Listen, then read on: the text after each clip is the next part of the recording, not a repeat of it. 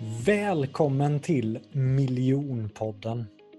Det finns tusentals föreläsare, coacher, konsulter där ute, men bara ett fåtal kan faktiskt försörja sig på det.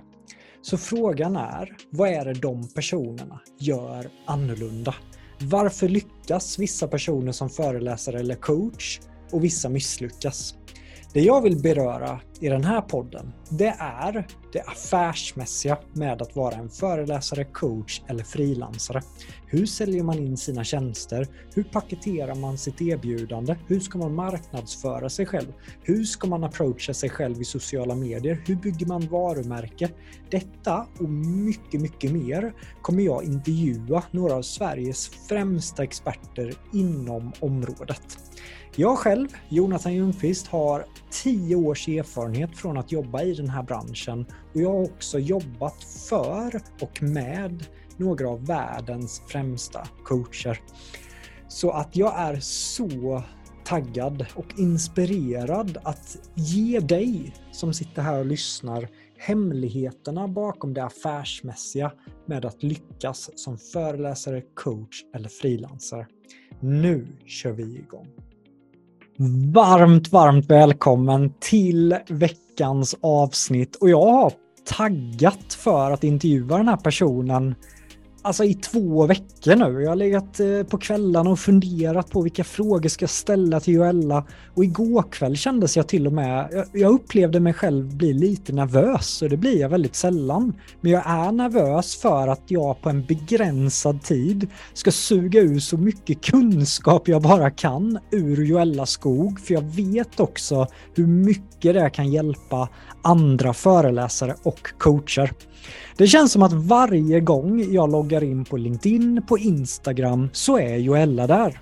Och det är inte så att hon bara lägger ut enkla bilder. Nej, nej, det är långa uppsatser på Instastory med tips, med råd och, och jag fattar inte hur hon orkar eller hur hon har tid, men hon är där varje dag. Och jag intervjuade ju Alexander Morad för några veckor sedan och Alexander Morad har ju då, för er som har lyssnat på hans avsnitt, han är extremt duktig själv på det affärsmässiga och han har träffat väldigt många av Sveriges främsta. Men han sa så här, att Joella Skog är the number one kopplat till att våga ta betalt i Sverige. Och jag frågade Morad igår, får jag citera dig på det? Och han sa tummen upp.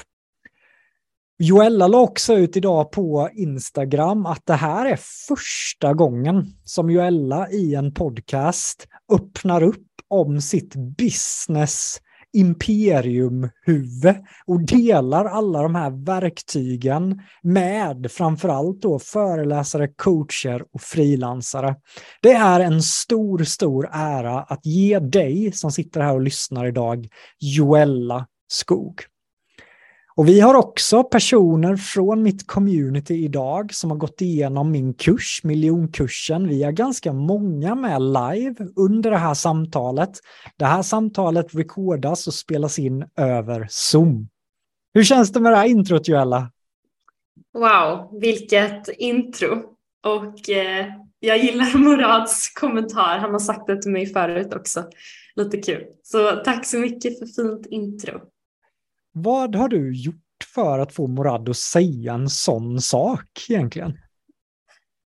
Ja, alltså vi har ju jobbat ihop och vi pratar också en del, en hel del också över DM och sånt där och bollar olika saker fram och tillbaka och sådär. Så, så jag tror att han, han vet att jag inte är rädd för att ta bra betalt helt enkelt. Mm. Men det finns inget så här, ingen story när du klev fram eller att ni var med om någon sån situation tillsammans? Jag tror att det nog var en situation, absolut, där, eh, där jag kanske eh, satte mig på en nivå som, som han kände att okej, okay, jag kanske också ska sätta mig på den nivån. Typ så kan man säga. Eh. Underbart. Det här avsnittet kommer ju främst handla om det affärsmässiga kopplat till att vara coach, kopplat till att vara föreläsare, Joella. Hur, hur viktigt känner du som coach och som föreläsare att det affärsmässiga kunnandet är? Mm. Alltså, jag skulle säga att det är jätteviktigt, men jag tycker inte att det är någonting som man måste kunna från början, utan man växer in i det också. Men jag tycker det är väldigt viktigt att ha, att ha koll på det och lära sig under tiden. För jag skulle säga att jag var själv aldrig intresserad nödvändigtvis av business på det sättet eller entreprenörskap eller någonsin liksom hade som ambition att bli entreprenör eller så. Jag trodde nog att jag alltid skulle vara anställd faktiskt. Ehm, så jag tror inte det är någonting du måste ha i grunden. Jag har ju alltid varit intresserad någonstans av det affärsmässiga när jag varit anställd och tänkt, varit mer av en strategperson som gillar att tänka liksom high level och ser helheten och ser hela bilden och alla led. Så jag har haft det lite i mig.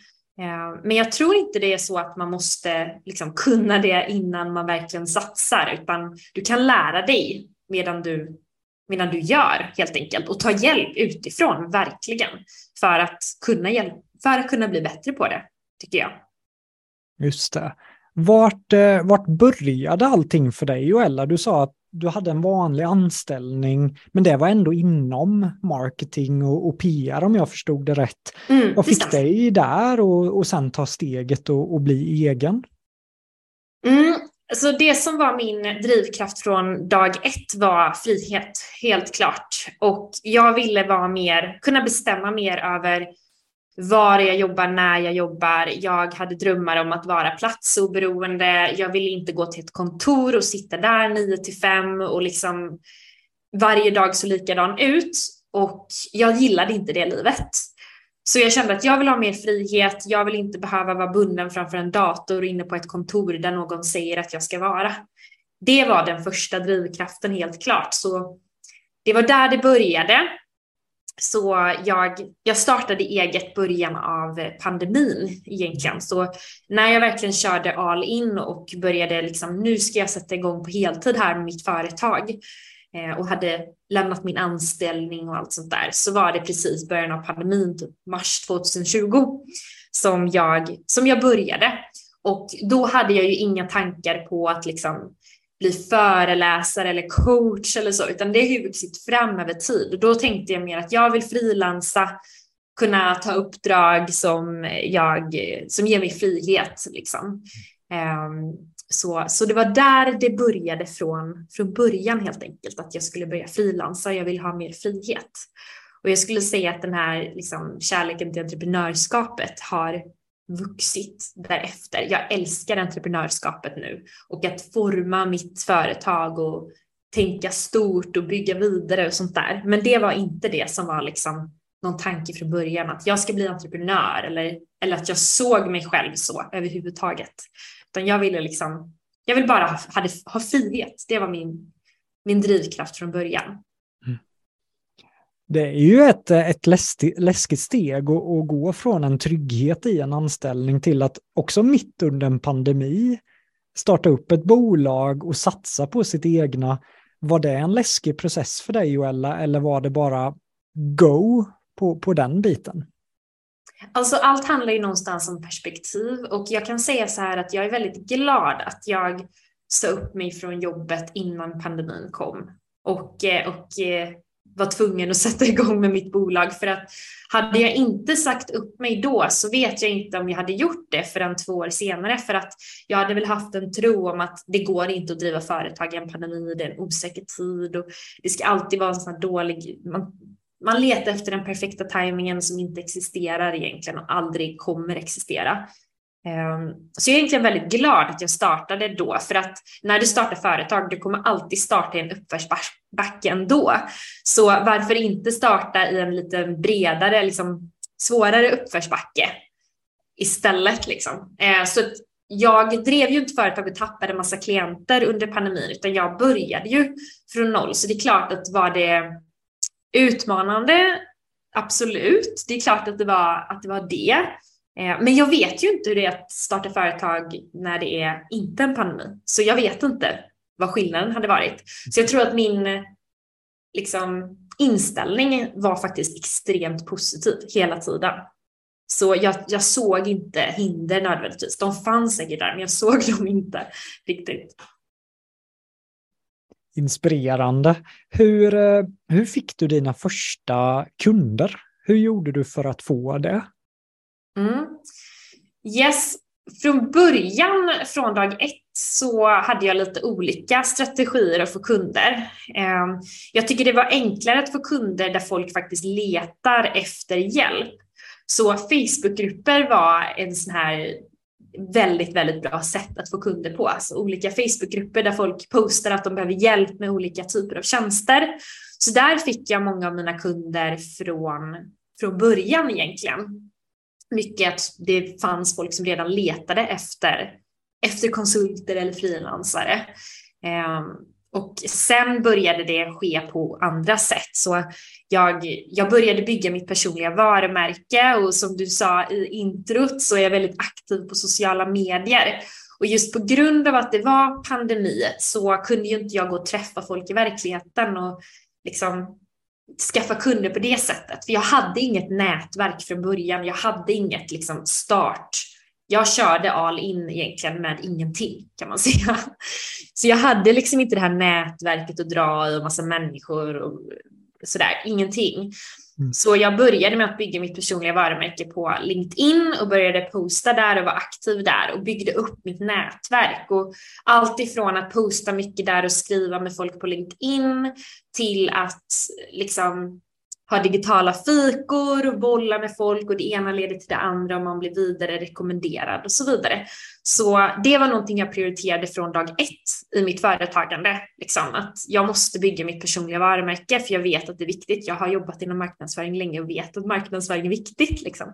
Mm. Um, så, så, det, så började jag få kunder på det sättet. Dels, att, dels förfrågningar också från, från, eh, genom mitt personliga varumärke, att folk började ta kontakt med mig. Men också när jag väl tog kontakt med folk så började folk känna igen mig lite. Min målgrupp började känna igen mitt namn och så. Så jag var inte liksom en främmande person som tog kontakt med dem längre. Mm. Så, så det var också ett sätt jag, jag fick kunder i början på.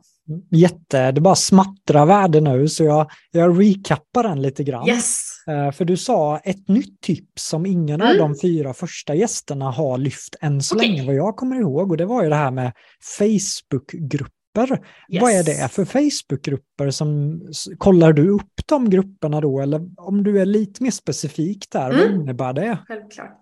Det finns massvis med grupper för vilken nisch du än har eller vilket, vad du än säljer. Det finns frilansande grupper för frilansgrupper för till exempel eh, fotografer, det finns sociala medier, konsulter, eh, alla möjliga typer av grupper för konsulter och frilansare. Det finns också specifika Facebookgrupper för att hitta uppdrag och dela uppdrag och sådana här saker. Så jag är med i en hel del sådana grupper och det är så jag använder Facebook. Alltså det är det jag använder Facebook till egentligen är grupper.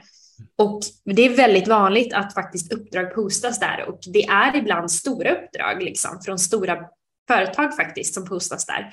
Ehm, så det skulle jag säga är ett jättebra tips när man börjar och ska så hitta kunder från, från dag ett är att Häng i alla dessa Facebookgrupper och var, gå in där ofta och kolla vad folk lägger upp. Liksom. Eh, för det kommer, det kommer upp ganska ofta. Jag har själv annonserat ut eh, hjälp med saker där förut, Facebookgrupper. Då kan du ju enkelt gå till en Facebookgrupp för exempelvis en social media managers och säger hej jag behöver en social media manager så då ska ju du vara med i den gruppen. Och fundera också på var din, vilka typer av grupper din målgrupp kanske är med i. Så dina idealkunder, vad för Facebookgrupper kanske de är med i. Så kanske du kan gå med i de grupperna mm. också. Så, så att hela tiden tänka när det kommer till din digitala närvaro och hitta kunder online att så här, var hänger målgruppen? Var var aktivt letar de efter någon och var hänger de någonstans? Och det är ofta på sociala medier, för du kommer inte stöta på alla potentiella kunder i verkligheten. Men det finns mängder med potentiella kunder online. Mm. Ja, men, eh, klockrent, jag har på något sätt glömt bort det tipset fullständigt. Jag gjorde ju så mycket när jag var äventyrare att eh, när vi var sponsrade av kajakprylar så postade vi, det var ju kajaksidor, det var flera tusen pers som paddlade kajak. Och det var ju klart vi var i de grupperna, men jag har på något sätt eh, glömt bort det. Så tack så jättemycket för den Joella, även för min del. Den skriver jag upp och, och kommer verkligen, eh, Lovisa, den, den tar vi tag i helt enkelt. Sen, eh, sen sa du ju alla att eh, du går in i det personliga varumärket och på något sätt har jag ju nästan, det är som att man har connectat ditt namn med personligt varumärke. Är det så du vill ha det? Eller är personligt varumärke en del av många som du kör? Vad bra fråga. Så faktum är att när jag började och ganska länge så hade jag en helt annan nisch.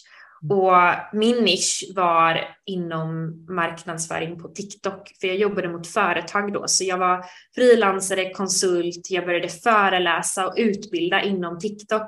Och det här var början på 2020 när faktiskt inte många i marknadsföringsbranschen pratade om TikTok, för det var fortfarande folk som sa att det är absolut inte en kanal, alltså framstående marknadsförare som sa det är inte en kanal för företag att finnas på här finns det inget att hämta. Och jag höll inte med om det, så jag började prata mycket om TikTok i mina sociala medier. Och på det sättet blev väldigt snabbt top of mind inom det området mot en målgrupp. Så jag började konsulta, föreläsa och utbilda inom marknadsföring på TikTok. Och just för att jag byggde mitt personliga varumärke ganska effektivt inom det här och fick förfrågningar, fick otroliga uppdrag och, och möjligheter Ehm, och hade byggt mitt personliga varumärke bli top of mind inom den här nischen så började också andra företagare komma till mig och fråga om hjälp med att bygga sina personliga varumärken. Så det var ingenting jag planerade att bli coach. Ehm, det har hänt, kommit till mig. Det har hänt bara. Och jag insåg att jag är bra på det och jag älskar det verkligen. Så när jag insåg att här, det här är det jag liksom brinner för mest. Jag tycker mycket saker är kul, men det här är min passion, det här är mitt syfte. Så började jag satsa mer på det och skiftade mitt personliga varumärke kan man säga från den nischen inom TikTok till att till personal branding med fokus på företagare och entreprenörer. Så det är så man kan säga. Så att nu gör jag nästan främst det kan man säga och det kommer också utveckla sig så allt mer och mer att personal branding i princip är 100% av mitt företag. Men mm. tidigare har det varit en mindre procent. Men jag märkte att det är det här jag brinner för. Det är det här som eh, jag kan liksom spendera hur mycket tid som helst på utan att bli trött. Och då har man hittat rätt tror jag. Men det märker man i dina ögon. Och eh, jag vet ju att när du gick min kurs, då, då var det mm. TikTok och de här delarna du, du pratade mest om. Men mm. det lyser en annan, säger man, lyster i dina ögon när du pratar om det personliga varumärket tycker jag. Så det känns ju verkligen som dig ut i fingerstopp, äh, fingerspetsarna. Förlåt Joella. ja, men jag tror till och med att jag frågade dig då, eller var det, om det var någon annan, men det var någon jag, jag minns att jag var väldigt, jag tror det var dig jag frågade om då.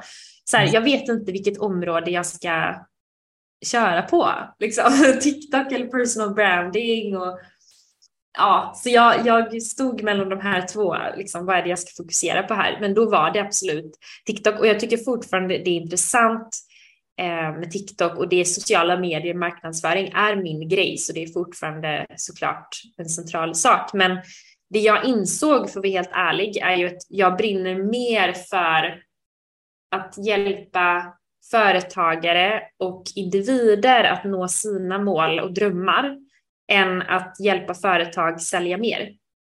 Eh, mm. Och det var väl en insikt jag kom till där som gjorde att jag kände att jag måste ändra mitt företag. Jag måste satsa på det här nu med coachingen.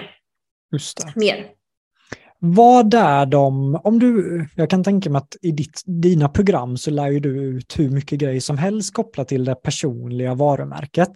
Men om du får välja tre saker som du känner att det här är jätte jätteviktigt för att börja bygga sitt personliga varumärke. Vad skulle du säga att de tre grejerna skulle vara? Jättebra. Så du skulle jag börja med att definiera vad du har för mål. För när du bygger ditt personliga varumärke så vill du fundera över dina långsiktiga mål. För ibland om företagare, när jag pratar med företagare, så kan det handla om när jag frågar dem vad har du för mål? Och så säger de, jag vill få in några kunder i höst. Det är inte mål, det är dina jättekortsiktiga mål. Du behöver ha en vision. Vad är din vision? Vad vill du vara om fem år, tio år? Hur visualiserar du ditt drömliv? Hur vill du ha det om du spränger gränserna och inte får och inte tänker realistiskt? För att varför ska vi drömma realistiskt? Det tycker jag är så tråkigt. Så jag, jag försöker få mina klienter att liksom, kan vi snälla ta bort alla hinder och tänka stort. Vad vill du åstadkomma? Vem vill du vara? Och låt oss sätta det som mål. Låt oss skriva ner det som mål och du ska bygga ditt personliga varumärke för att komma dit. Det är därför. Så därför skulle jag säga att vet vad du vill, liksom, vilket håll du vill gå, även om det ändras längs vägen, det är helt okej. Okay. Men det sätter i alla fall en riktning. Och sen skulle jag säga att förstå din målgrupp. Vet vem du riktar dig mot, för det är definitivt inte alla. Om du är en företagare så har du förmodligen kunder som målgrupp. Det kan också vara investerare eller någonting annat. Så definiera vem försöker jag nå här med mitt personliga varumärke? Vem vill jag bli connectad till? Och inte bara ha ett hum över vem det kan vara, utan jag brukar säga att så här, känn din målgrupp lika bra som du känner din bästa vän. Du ska förstå vad deras rädslor är, du ska förstå vad deras motivationer är, deras drömmar är. Om du inte vet det här om din målgrupp så vet du inte tillräckligt mycket om dem. Det är inte tillräckligt. Och det här är nog det vanligaste misstaget jag ser hos företagare som ska bygga sina personliga varumärken, men också stora bolag. Alltså det spelar ingen roll, stort bolag, startup, företagare, folk har dålig koll på målgrupp. De har dålig koll på vem det är de försöker nå. Och vem deras idealkund är. Och de, många har inte ens pratat med sin idealkund. Har inte ens pratat med sin målgrupp. Ring tio personer mm. imorgon som passar in i din målgrupp. Ställ frågor, var nyfiken. När du sitter i säljsamtal, Gör mentala noteringar eller faktiska noteringar om din målgrupp. Hitta mönster och då får du en bättre bild av vem är min idealkund? Så vet vem din idealkund är eller din målgrupp är. Och så det räcker inte att säga typ kvinnors 50-45. Nej, det är inte tillräckligt detaljerat. Eh, så det skulle jag säga är två grejer. Och den tredje grejen jag skulle säga är att när det kommer till innehåll på sociala medier så Fokusera på att skapa innehåll på sociala medier och innehåll som är värde för målgruppen. Använd inte sociala medier som en plattform att posta pressmeddelanden på. En, en, plattform att marknadsföra sig själv på och säga alla priser man vunnit och alla fantastiska grejer man gör. Det kan du göra ibland, för det är, det är bra att göra det ibland för att liksom påminna folk. Men det är inte så du bygger ditt personliga varumärke. Om du bara postar typ, nu har jag fått ett nytt jobb, nu har jag vunnit ett pris, då använder du det som en announcement-plattform och inte som en plattform att bygga ditt personliga varumärke på. För i slutändan handlar det, bygga ditt personliga varumärke handlar om att skapa relationer och attrahera in rätt personer in i din sfär. Du vill att din målgrupp ska känna till dig, lita på dig och gilla dig. Så att bygga relation till dem, även om du inte har en relation till dem, så du, de, du kanske inte alltid vet vem de är, men att de ska veta vem du är. Just det, men då blir jag ju direkt nyfiken Joella, för jag såg på Instagram att du la upp nu på din Instagram, du ska vara med i min miljonpodd mm. och du är taggad. Är det fel då av mig att sharea det på min Instagram? Är det för mycket liksom, marknadsföring då tycker du? Eller? Nej, det Nej. tycker jag inte. Ja. Det tycker jag absolut inte att du, det tycker jag absolut inte att det är något negativt med det. Utan jag tycker absolut att man kan dela sånt på sociala medier. Men det är viktigt att komma ihåg att man inte bara postar sånt. Så att ja. det ska inte bara vara vad gör jag nu? Mm. Det kan du göra, men inte om du syftet med den kanalen är att bygga ditt personliga varumärke.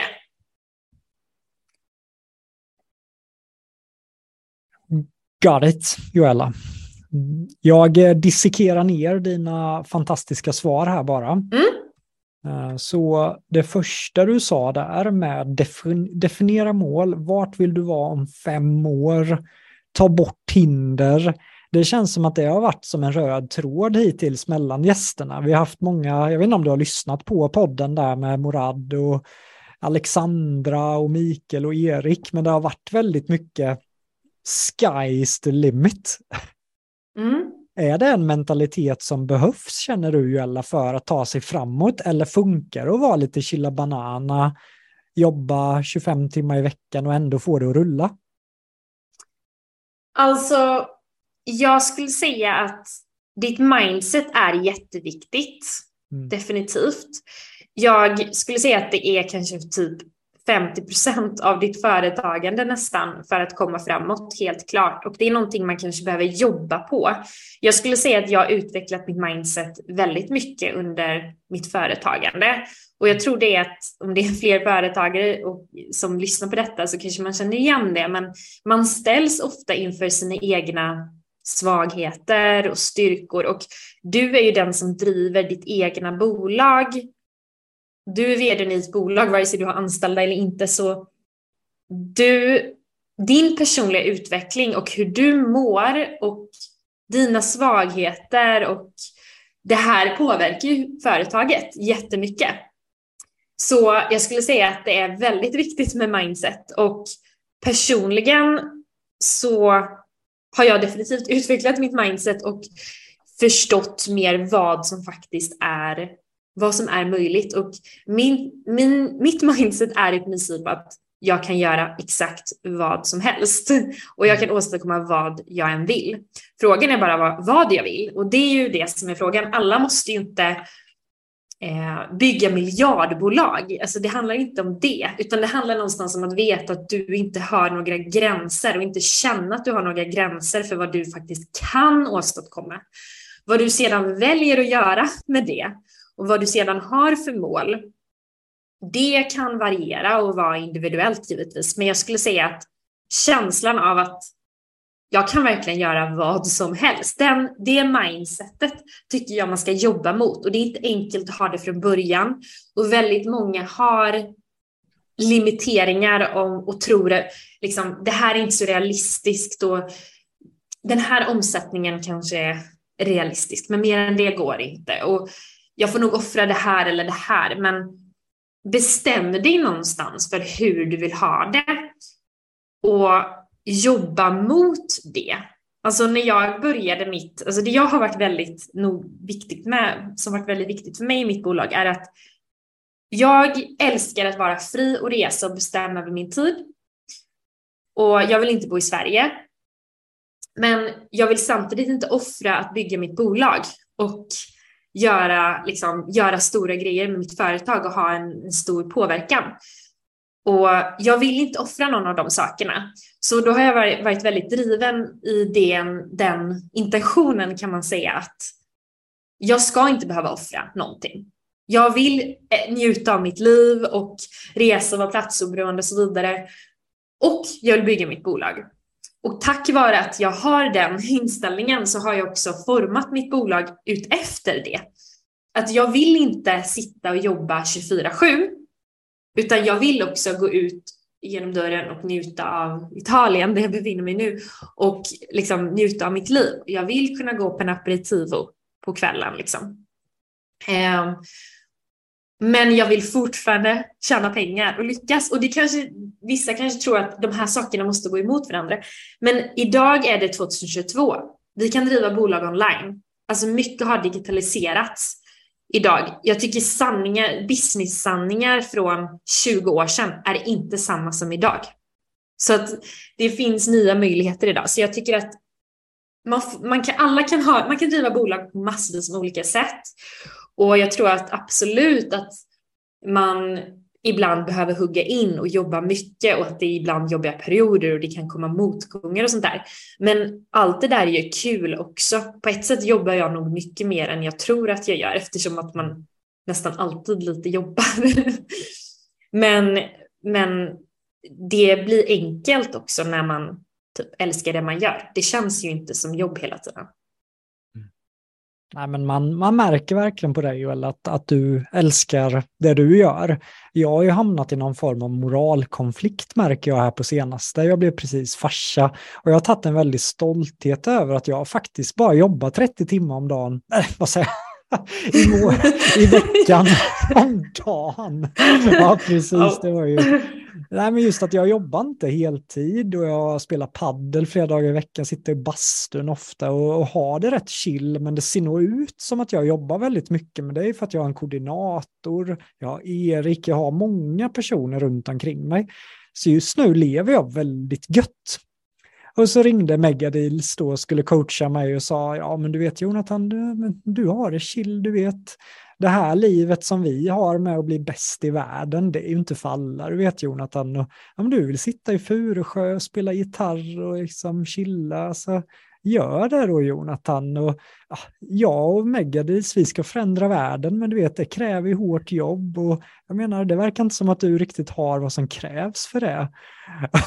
och när han sa det till mig så var det som att ska visa de jävlarna alltså. Och, och sen eh, alla poddavsnitt eh, och Mikael snackar om eh, liksom go for it. Så det börjar ju gro en form av tanke. Hur långt skulle jag faktiskt kunna ta det här om jag satsar något hårdare? Men vad kommer jag då få betala för pris för det?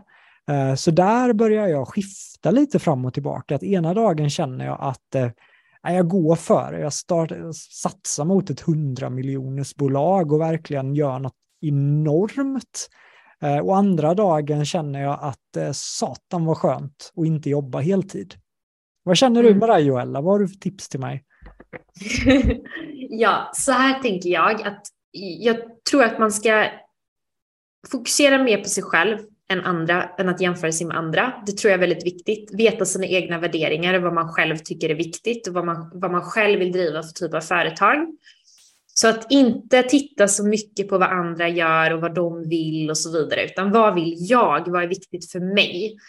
Eh, och sen tänker jag också så här att jag kan också fastna där ibland av att vilja springa väldigt, väldigt fort och känna att jag kanske bara ska gå, alltså jag kan bli besatt liksom. Och då märker jag ju också att jag blir trött och sådär. Och jag tänker att jag har ju tänkt göra det här resten av mitt liv.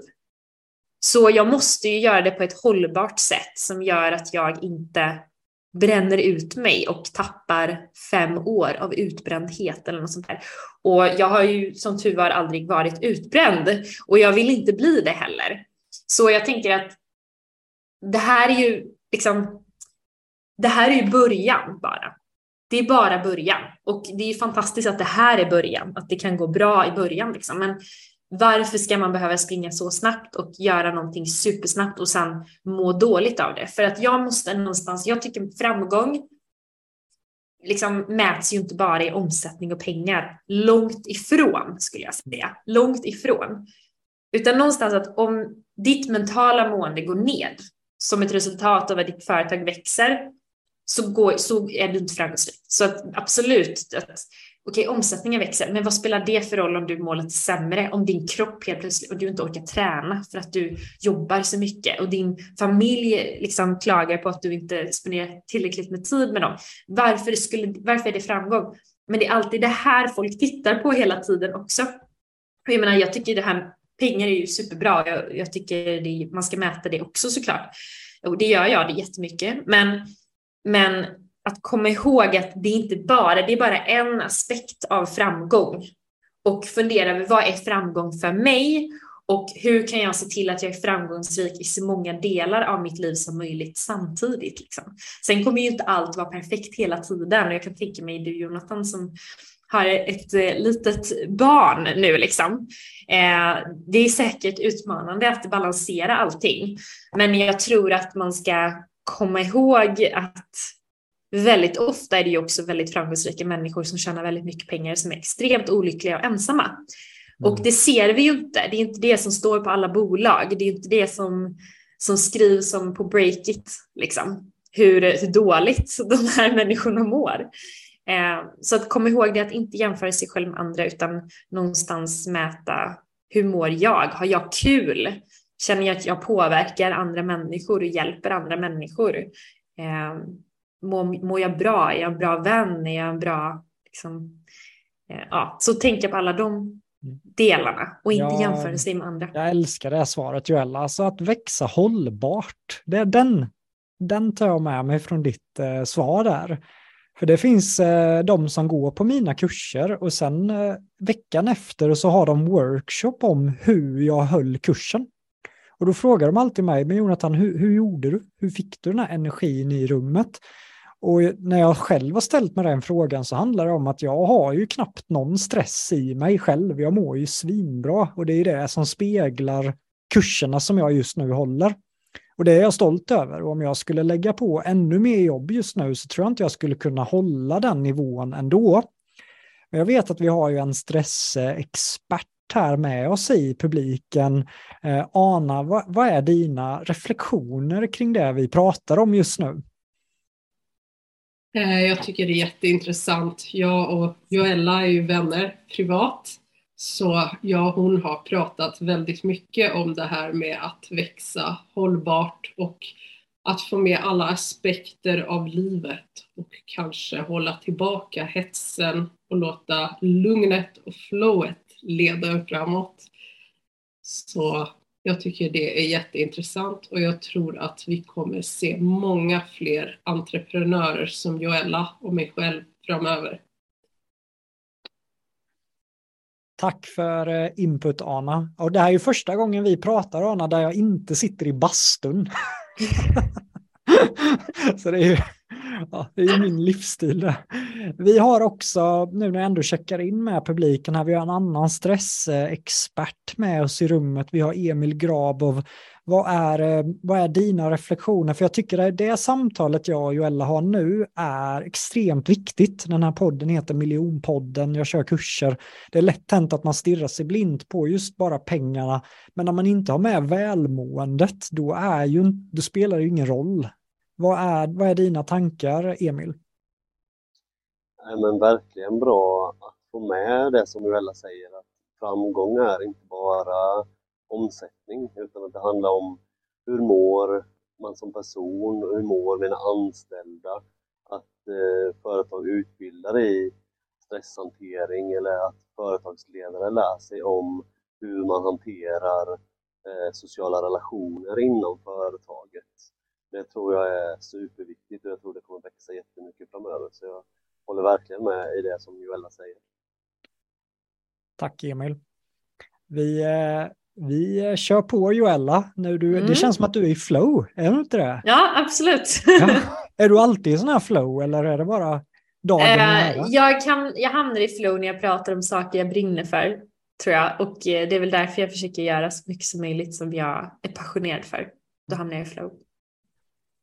Du sa där med dina främsta tips kopplat till att bygga sitt varumärke så sa du en väldigt viktig grej och det är ju att verkligen lära känna sin lära känna sina framtida kunder, lära känna sin målgrupp. För vissa personer skriver bara, jag vänder mig till dig som är 25 till 30 som gillar ledarskap. Men du menar att nej, nej, nej. Gör din hemläxa, bli polare, vet hur de tänker, jag kommer ihåg att det var viktigt när vi skulle lansera en serie för Försvarsmakten att när vi byggde den serien så åkte vi runt och visade första avsnittet för 500 ungdomar som vi tänkte de här kommer kolla på serien. Och sen frågade jag vad hade ni velat se mer av i de här avsnitten? Och de sa mer karaktärsdrivet, mer action, eh, starkare intro, mer att det smäller mer. Så att jag fick ju hela facit från de här 500. Jag åkte runt på en föreläsningsturné i Örebro och Värmland och där fick vi facit. Det var det sen vi byggde in i serien första avsnittet över en miljon i organiskt visningar. Eh, så ditt tips där ja. tycker jag är helt otroligt. Hur, hur lär man känna? Du sa att man kan ringa dem, men vad mer gör du för att verkligen lära känna din målgrupp, Joella? Mm. Alltså det finns flera olika sätt egentligen att lära känna sin målgrupp. Ehm, jag skulle säga att först och främst varför det är viktigt också att ha en tydlig målgrupp är att det är mycket enklare att rikta dig mot en specifik typ av person och målgrupp när du bygger ditt personliga varumärke än att du försöker rikta dig mot allt. Som du till exempel, låt oss säga då att du är en ledarskapscoach då exempelvis. Vem är det som ska köpa dina tjänster? Är det liksom kvinnliga chefer, låt oss säga på stora bolag? Är det egenföretagaren som ska anställa för första gången?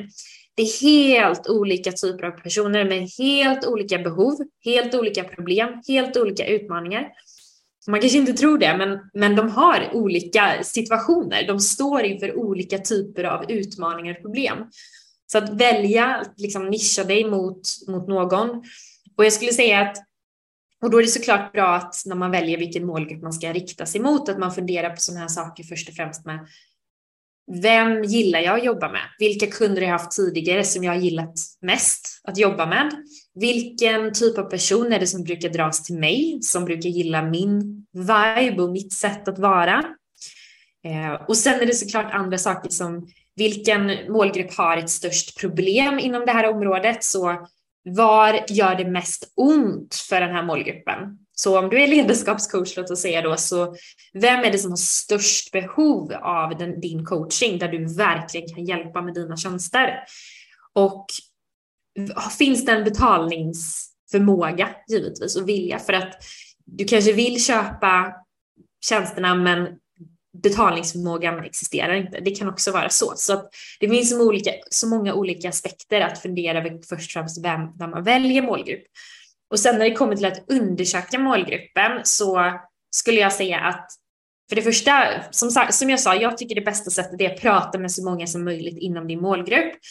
Så att till exempel ringa upp för detta kunder eller människor du känner, ha ett Zoom-samtal eller ha ett telefonsamtal för att ställa frågor.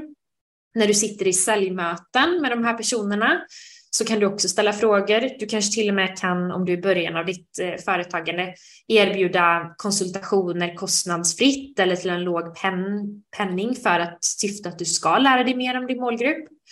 Ehm, du kan också skriva DMs till folk och liksom som du passar in din målgrupp, dina följare, dina folk inom ditt nätverk och ställa frågor till dem. Du kan göra enkäter och dela i Facebookgrupper be folk fylla i enkäter. Det har jag också gjort några gånger i, i olika sammanhang och det har också varit ganska hjälpsamt. Ehm, du kan också hålla fokusgrupper såklart och det är kanske inte någonting du gör som egenföretagare. Du kan göra det, men jag har gjort det åt företag till exempel med deras målgrupp. Så man har en grupp människor och sitter på Zoom och ställer lite frågor och diskussionsämnen. Så, så kan man också göra. Ehm, och sen kan man givetvis titta också på datan man har. Så man kan titta på vilka är det som följer mig på sociala medier, vilka är det som går in på min hemsida. Eh, och ja, massa sådana grejer. Så det finns många olika saker, men min favoritsätt är helt klart att prata one-on-one -on -one med människor. Och när jag sitter i säljsamtal med klienter så som jag gör ganska ofta så lär jag ju känna min målgrupp mer och mer och få en större tydlighet kring vem passar jag bäst ihop med? Vad har de för drömmar och mål och så vidare? Och jag märker ju ofta att det är massa gemensamma nämnare, så jag kan dra slutsatser om personen helt enkelt. Just det. Där finns det ju ack så viktigt. Det kanske är vissa som lyssnar på den här podden nu och tänker att ja, men det där spelar inte så stor roll. Men, men det avgör ju allt, för det avgör hur man kan anpassa sin hemsida sen, samtalen. Så att det är som att man lägger grunden i att lära känna sin målgrupp för allting man sen kan bygga för att kunna sen sälja sina tjänster så att man också kan hjälpa sin, sin målgrupp. Men jag tänker Joella, sociala medier. Jag kan tycka att det är rätt jobbigt ibland, så vad ska jag posta, skriva. Det känns som att du har som sagt uppsatser i bilder och det är många också.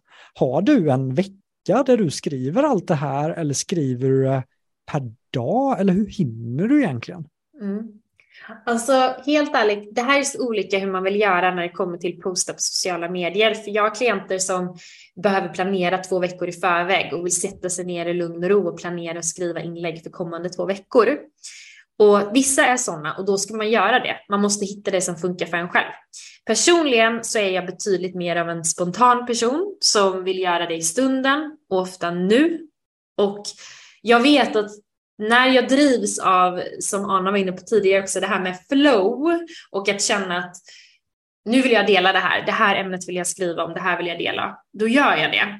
Och det, fun det har funkat bra för mig, så jag tänker att jag vill inte varför ska man why fix something that isn't broken? Liksom. Det har funkat för mig. Så, så, så, så gör jag, att jag gillar att vara lite mer spontan. Men jag har min strategi i huvudet. Jag vet vad jag gör och varför jag gör det.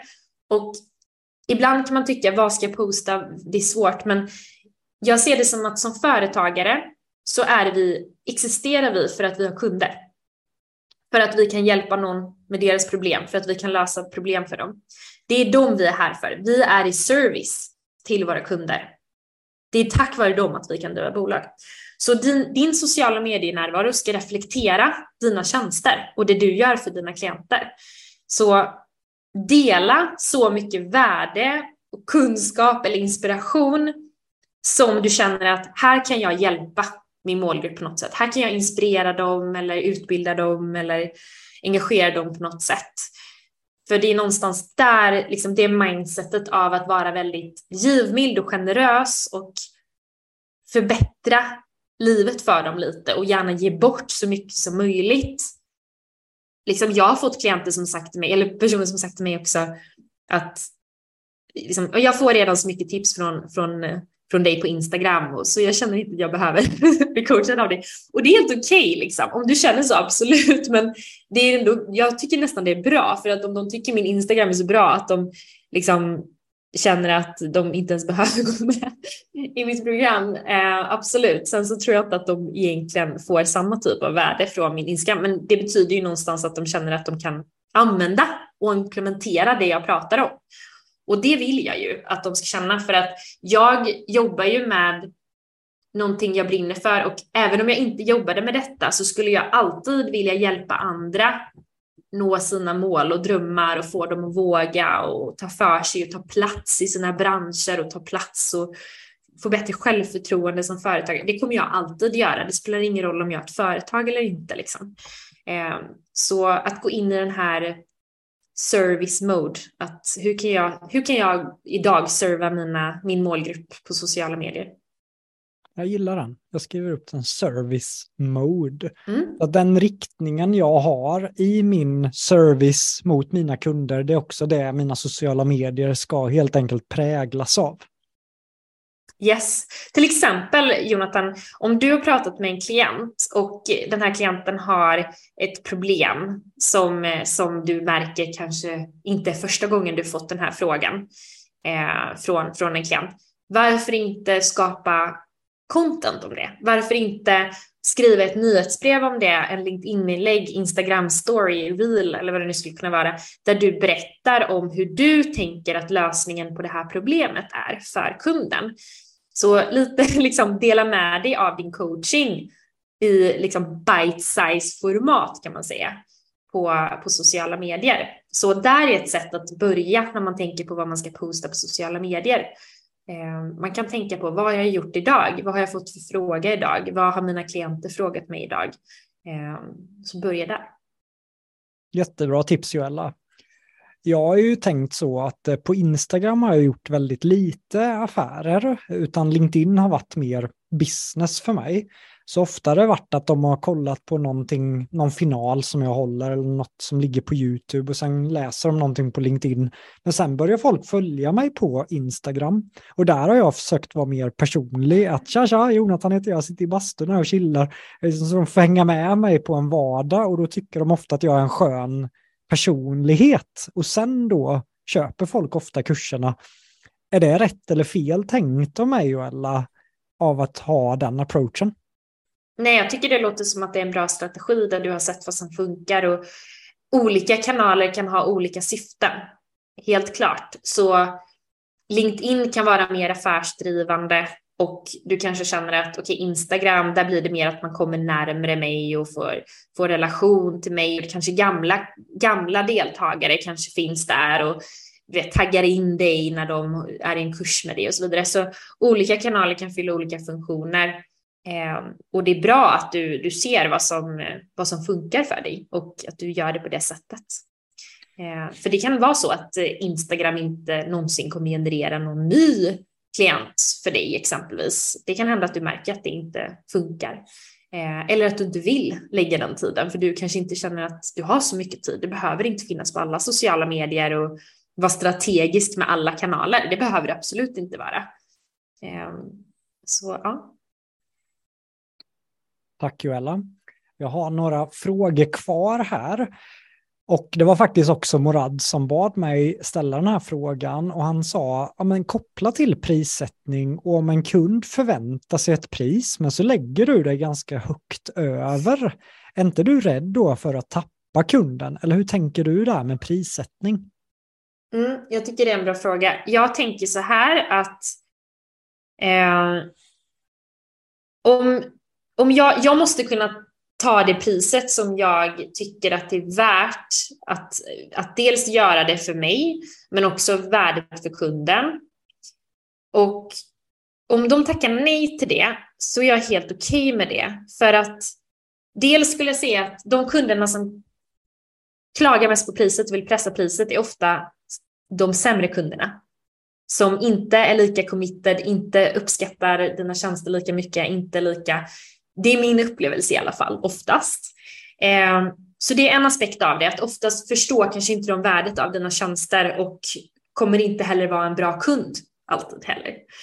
Eh, och sen så tänker jag också så här, den tiden jag lägger på att jobba för den här kunden för ett lägre pris. Istället skulle jag kunna vara ledig eller lägga det på att försöka skaffa en ny kund eller flera nya kunder som accepterar mitt pris.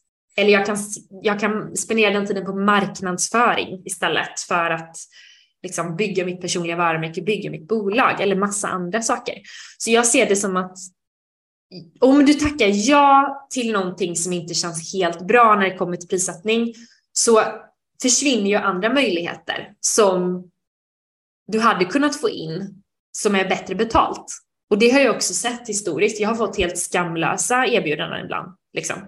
Ehm, och hade jag tackat ja till det, trots att jag, när jag var lite desperat efter pengar i början av mitt företagande, om jag hade tackat ja till det så hade jag absolut inte fått en månad senare det där andra erbjudandet. Jag hade inte haft tid att hitta det erbjudandet. Jag hade inte haft tid att acceptera det erbjudandet heller. Så att, att verkligen vara noggrann och inte fastna i den här fällan som jag märker att många av många klienter till mig också fastnar ibland att man sänker sina priser, sänker sina priser. Man tar på sig mer och mer kunder och till slut jobbar man väldigt mycket.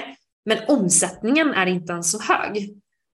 Och man sitter bara och jobbar, jobbar, jobbar, jobbar och man har en, knappt råd att outsourca det för, liksom heller för att inga underkonsulter lägger sig under Så att då sitter man bara i den här cirkeln av att bara jobba jättemycket för inte så mycket pengar. Och jag känner så här, jag jobbar hellre mindre för mer pengar. Liksom. Ja. Fattar. Bra tips igen Joella. Jag tänker, du skrev ju på Instagram, har jag för mig, att eh, nästa år, antingen var det ett eller tre år, men du skrev att du skulle femexa hela din business, vilket innebär att du kommer satsa nu på att på ett år ska du ligga på strax över fem miljoner.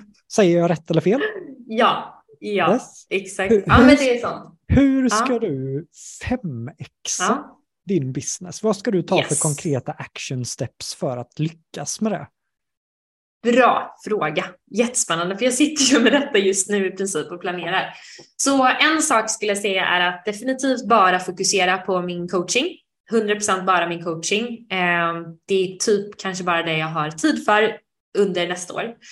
Sen skulle jag säga att en aspekt är att ta hjälp av säljare jag har inte tid att sitta i jättemycket säljmöten hela tiden så jag ska absolut ta hjälp av en säljare så att jag kan göra viss sälj själv och viss sälj kan någon annan göra. Eh, jag kommer också på något sätt anställa någon typ av operations manager eller assistentroll förmodligen som kan hjälpa mig med mycket av det som tar tid men som jag inte liksom, eh, vill lägga tid på själv.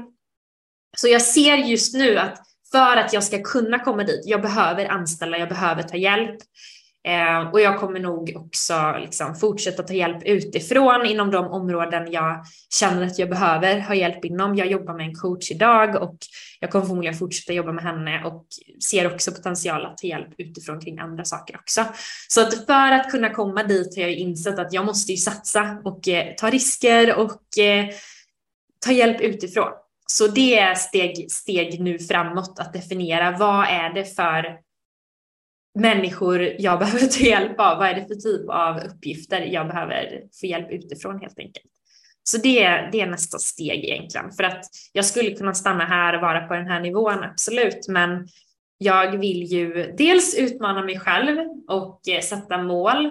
Men också så är i slutändan målet att jag vill kunna växa det här så att jag kan verkligen fokusera på det jag är allra bäst på och älskar mest. Och jag ser det som att det jag ska göra i mitt företagande är att fokus på, på coaching, att vara vd och att marknadsföra. Att vara personen, fortsätta bygga mitt personliga varumärke och marknadsföra mig själv och mitt företag. Så att andra saker i mitt bolag, att någon annan kan göra det. Så, så det, det är visionen framåt i alla fall, att skala upp. Så ja, vi får se hur det går, men, men jag, jag tänkte, ja. Då måste jag tipsa Joel eftersom vi ändå har Lovanto här. Som, jag använder mig av eh, Lovanto mm. som, som är här eh, och lyssnar idag. Eh, Anton och Lovisa. Och de är grymma. De hjälper ju mig med projektledning, försäljning, alltså hela rubbet. Och jag har tyvärr inte dem på heltid. Så de har ju space över i sina kalendrar. Så att där skulle jag verkligen rekommendera att ta ett möte. Lovisa, hur taggad blir inte du på att hjälpa Joella lite när du hör det här? Eh, det hade verkligen varit en ära att få hjälpa dig Joella. Eh, jag har följt dig en hel del och eh, jag älskar det du gör. Så, och jag vet ju så mycket hur hjälp kan frigöra tid och göra, du kan göra mer av det du älskar helt enkelt. Så absolut. Yes, vi får connecta helt enkelt. Mm. Jag säger som när jag tog in Lovanto så ringde jag ju referenser då Uh, och så var det en av Lovantos tidigare då som nästan blev arg. Bara, Nej, ta inte dem. så du får ta, inte ta dem för mycket Joella bara. ja, precis. Det, det är nog ingen fara. Men, eh, men det är utmanande definitivt att vara. Jag är van vid att vara själv liksom och eh, driver mitt företag på egen hand och, eh, och det vill jag fortsätta göra. Jag vill absolut inte driva företag med någon, utan det är jag mm. säker på att jag vill vara. Men jag vill definitivt ha hjälp och eh, det, man kommer ju till en punkt till slut när man inser att nu stannar jag här eller så kan jag växa och ta hjälp och samtidigt få lite mer frihet också. För att idag måste jag ju driva mitt företag varje dag själv. Um, så också att kunna... Inte, ska du femexa så det går ju inte knappt göra själv. Nej. Utan för mig Nej. det har varit en av de viktigaste grejerna. Det har varit att ta in hjälp. Det är därför jag inte behöver jobba heltid. Innan Lovanto hade jag i liv som du har träffat Joella. Och yes. Men hon skriver offerterna. Hon hör av sig mm. till kunderna. Hon ombokar. Det är Zoom-länkar. Så att den att våga ta in hjälp tidigt, det ser jag som en kritisk grej om man verkligen vill växa. Yes, ja, det, det är jätteviktigt, men det är definitivt lite växtverk i mig för att det är lite läskigt, men jag vet att jag måste göra det och att jag vill göra det. Men, eh, men det är liksom det här, oj, det här är så ovant, liksom. Eh, helt klart. Men, Vad är det som men det är bra. läskigt med det, Joella, känner du? Ja, jag vet inte. Jag tror det är att eh, det är någon växtverkgrej tror jag det. Att känna att eh, nu, eh, nu kommer jag utanför min comfort zone här.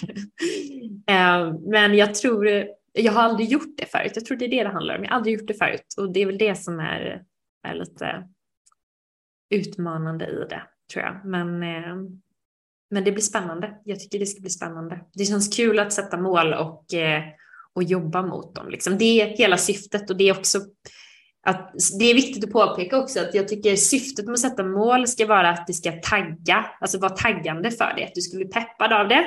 Och det ska vara att du har en riktning och du ska få tydlighet, vad ska jag göra? För nu har jag mål, omsättningsmål, hur många kunder jag vill få nästa år. Då måste jag ju titta på vad behöver göras för att komma dit. Så det blir ju kul och det skapar en riktning för mig. Att nå målet i sig är inte lika viktigt för mig. Det, jag är inte så tävlingsriktad person, utan det handlar mer om så här, det här är mål, det här är riktningen för mig. Det här sätter prioriter, prioriteringsnivån. Liksom. Eh, så, så jag har blivit bättre på det där med att sätta mål. Det är kul. Ja, men jag, jag, förstår ändå dina reflektioner där med att man släpper också kontrollen med att ta in hjälp. Men jag önskar dig stort lycka till i den processen och den är väldigt, väldigt rolig. Verkligen. Mm. Det har varit eh, superutvecklande att påbörja bygget av ett team. Men eh, jag vet ju att du har ett eh, oerhört uppskattat program bland föreläsare och coach. Det är kul att vi mm. har mycket liknande kunder, Joella, eller hur? Ja, precis. Jag hör ju mycket folk som har varit hos dig och skickas. Och ja. Det här programmet lyfts ju väldigt mycket i mina, i mina kretsar. Brand Accelerator Program. Mm. Det här är ditt VIP-program då yes. för föreläsare och coacher. Och du fyller ofta upp de grupperna. Hur gör du det? Kör du webinars? Kör du samtal? Hur, hur fyller du upp det mm. programmet? Yes, så det jag gör är att jag tar individuella samtal med varje person innan de går med i programmet för att se ifall programmet är rätt för dem eller inte. För jag vill bara jobba med rätt, rätt personer i programmet så jag vet att det här kan hjälpa dem och jag vill jobba med dem och de vill jobba med mig och så vidare. Så det börjar med ett samtal, att man bokar ett samtal med mig där vi, där vi identifierar om eh, ja, hur, om det passar dig helt enkelt. Eh, och de samtalen brukar vara att antingen så hör folk av sig till mig och bokar det eller så hör jag mig till dem och ser att skulle det här kunna vara någonting för dig? Så, så det är ett stor del av mitt jobb faktiskt att sitta i de här, dessa möten. Eh, och, eh, och helt enkelt se om det kan vara något för dem. Och jag jobbar väldigt nära alla klienter i programmet så det blir liksom ett slags partnerskap under dessa tolv veckor som programmet pågår. Där vi helt enkelt fokuserar på att skapa både målsättningarna för ditt personliga varumärke, strategin för ditt personliga varumärke och faktiskt göra och bygga. Så det är liksom att vi verkligen gör och går in i action mode under programmets gång och jag, jag ger personlig feedback på allt. Jag stöttar mina klienter över Slack varje dag i princip och ger feedback på texter och så vidare. Så att jag jobbar väldigt nära alla eh, klienter i programmet, vilket har varit väldigt kul, kul sätt att jobba på. Så, så det är därför jag kallar det ett VIP-program för att ja, jag jobbar väldigt, väldigt nära alla då i programmet. Vi, eh, yes. vi lägger sidan till det programmet här mm. Under avsnittet så att eh, folk kan gå in och läsa mer om just det programmet. Mm. Ska vi se här. Jag vet ju att du är en rackare på webinars, Joella. Jag vet att du har gjort några riktigt lyckade webinars kopplat till att också fylla upp dina kurser hur jobbar du med webinars? Yes, så jag har inte det riktigt som en strategi att fokusera på webinars. Jag fokuserar framförallt på att boka möten och jag får mer bokade möten via mitt personliga varumärke och mina kontakter och mitt kontaktnätverk än av ett webbinar, för att vara helt ärlig. Så jag jobbar med webinars och ibland får jag något möte bokat av det också. Eh, men jag ser också det lite som långsiktighet och relations byggande med de som går webbinariet. Ehm, så jag jobbar inte längre så mycket med det. Syftet är absolut inte att det ska leda till ett direkt sälj eller att det ska generera massvis med bokningar faktiskt. Utan jag har det mer som eh, fokus på att lite varumärkesbyggande nästan, mer att få, få berätta om personal branding och att man får komma lite närmre helt enkelt. Så, så jobbar jag med det. Så det är inte jättestor strategi faktiskt eh, av, eh, av säljet. Liksom. Förstår. en grej som jag analyserat med, med mina kurser är ju att ofta behöver ju folk många olika touchpoints innan de faktiskt är redo för kursen. Och det kan mm. vara, jag har en dokumentär på YouTube om miljonkursen. Ofta är folk med på finaler där tidigare kursdeltagare pitchar sig själva, man får vara med om det. Eh, och sen kanske man snackar med kära Lukas eller Anton.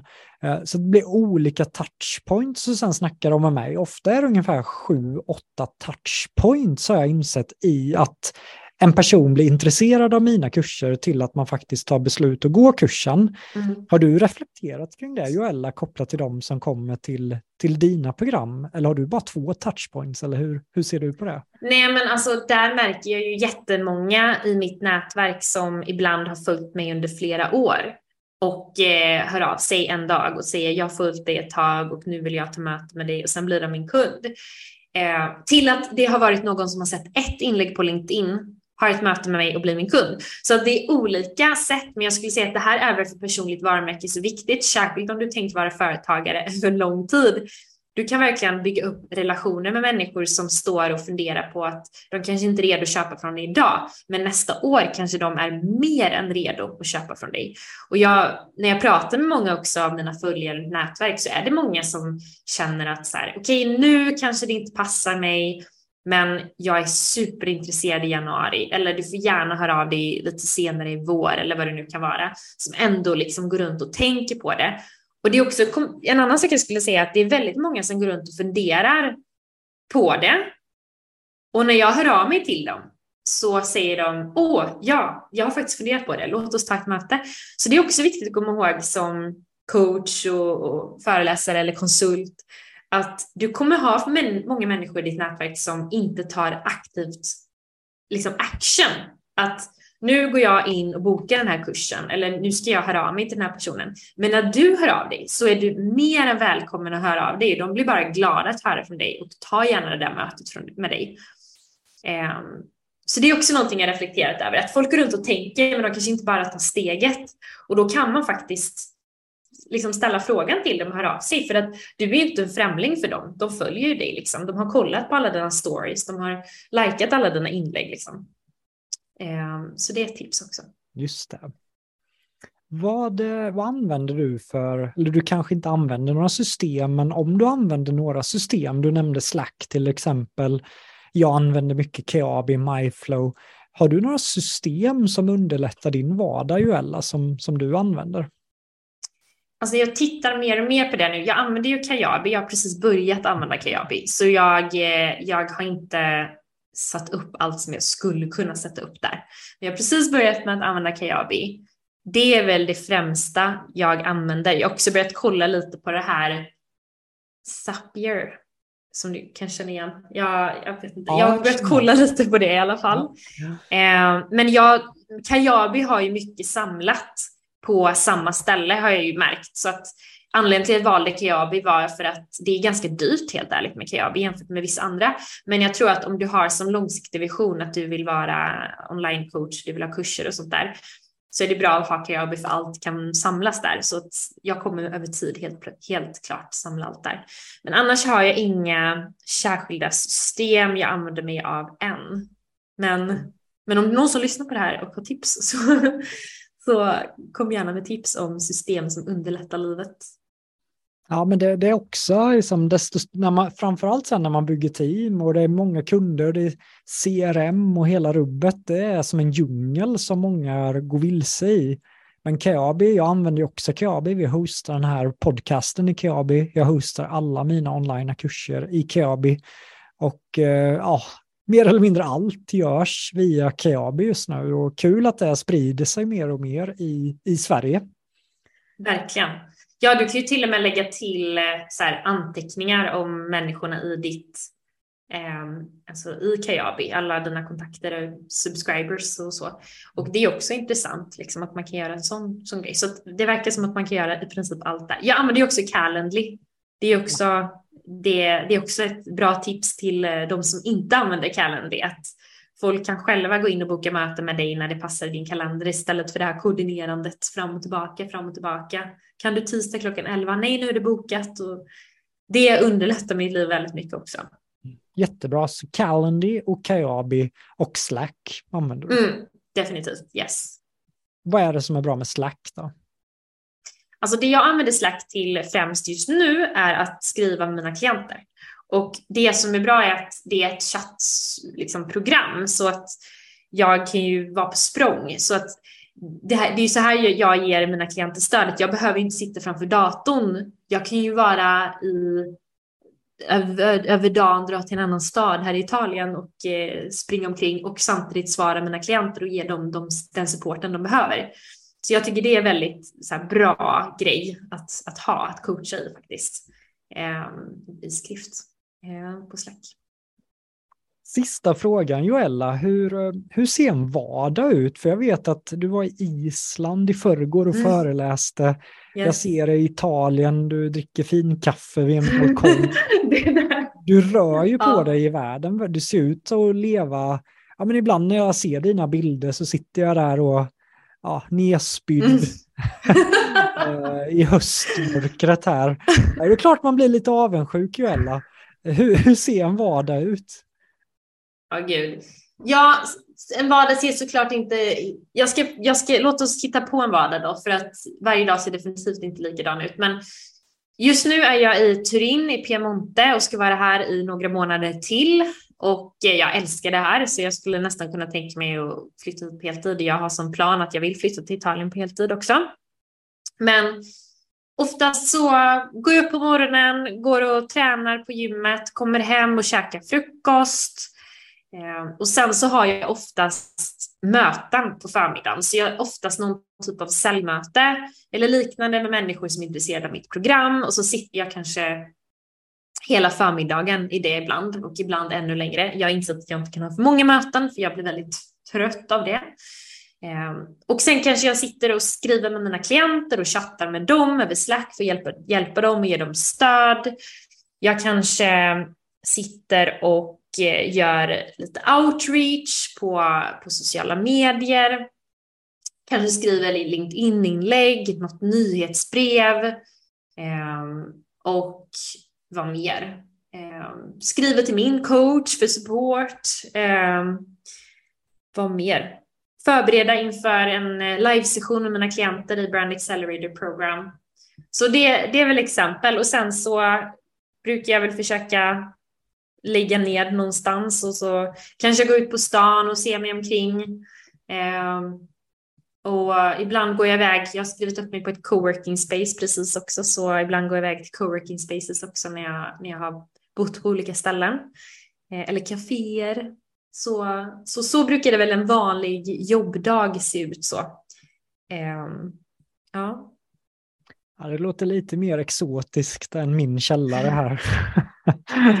jo, okay. men jag tänker, jag tänker så här att den, min vision är någonstans att så här, jag vill ändå att varje dag ska ha någon typ av den här La Dolce Vita-känslan. Och jag, jag är ju Italien så det är lite enklare La Dolce Vita här, men jag tycker mer att jag tror att alla människor kan ha som ambition att ha det. Det behöver inte vara den här gråa tråkiga. Det kan vara liksom det här lilla, göra sig själv en lyxkaffe hemma eller att gå och sätta sig ute i solen. Alltså, jag tror de här stunderna av att så här, livet är härligt, det tycker jag man ska sträva efter att ha varje dag och inte fastna i den här eh, hamsterhjulet av att bara sitta och jobba och liksom allt är kaos och, och sådär. Så att försöka hitta sitt egna sätt att göra det på, tror jag. Ja, men fantastiskt. Emil Grabov, hörde du det? Jag tycker vi skiter i elpriset idag och slår på bastun och lever Dolce Vita. det tycker jag låter bra. Joella, är det någonting sista som du vill skicka med föreläsare, coacher, frilansare? Det har varit ett fantastiskt avsnitt, men är det någonting du vill eh, som, som, du, som jag kanske har glömt fråga som du vill dela? Alltså jag tror att jag vill, om vi ska knyta tillbaka till det här med personligt varumärke också, så skulle jag vilja säga att det är superviktigt för, för oss som är, säljer tjänster på något sätt och att bygga våra personliga varumärken för i slutändan är det dig som människor köper av och det är inte en fysisk produkt. Så det är superviktigt att vi verkligen bygger våra personliga varumärken och att inte göra det till en sån läskig och stor grej och inte, för det är väldigt vanligt att många är rädda för att börja posta på LinkedIn och synas och ta plats och ska jag stå i centrum och så vidare. Men då tror jag att det är viktigt att komma ihåg också, varför gör jag det här? Det här är ett sätt att komma närmare min mission. Och jag är i service till mina kunder. Så hur kan jag dyka upp på sociala medier och hjälpa dem liksom, genom min existens där i princip. Så lite tänka på, på det sättet. Så att, och inte liksom, och börja så fort som möjligt.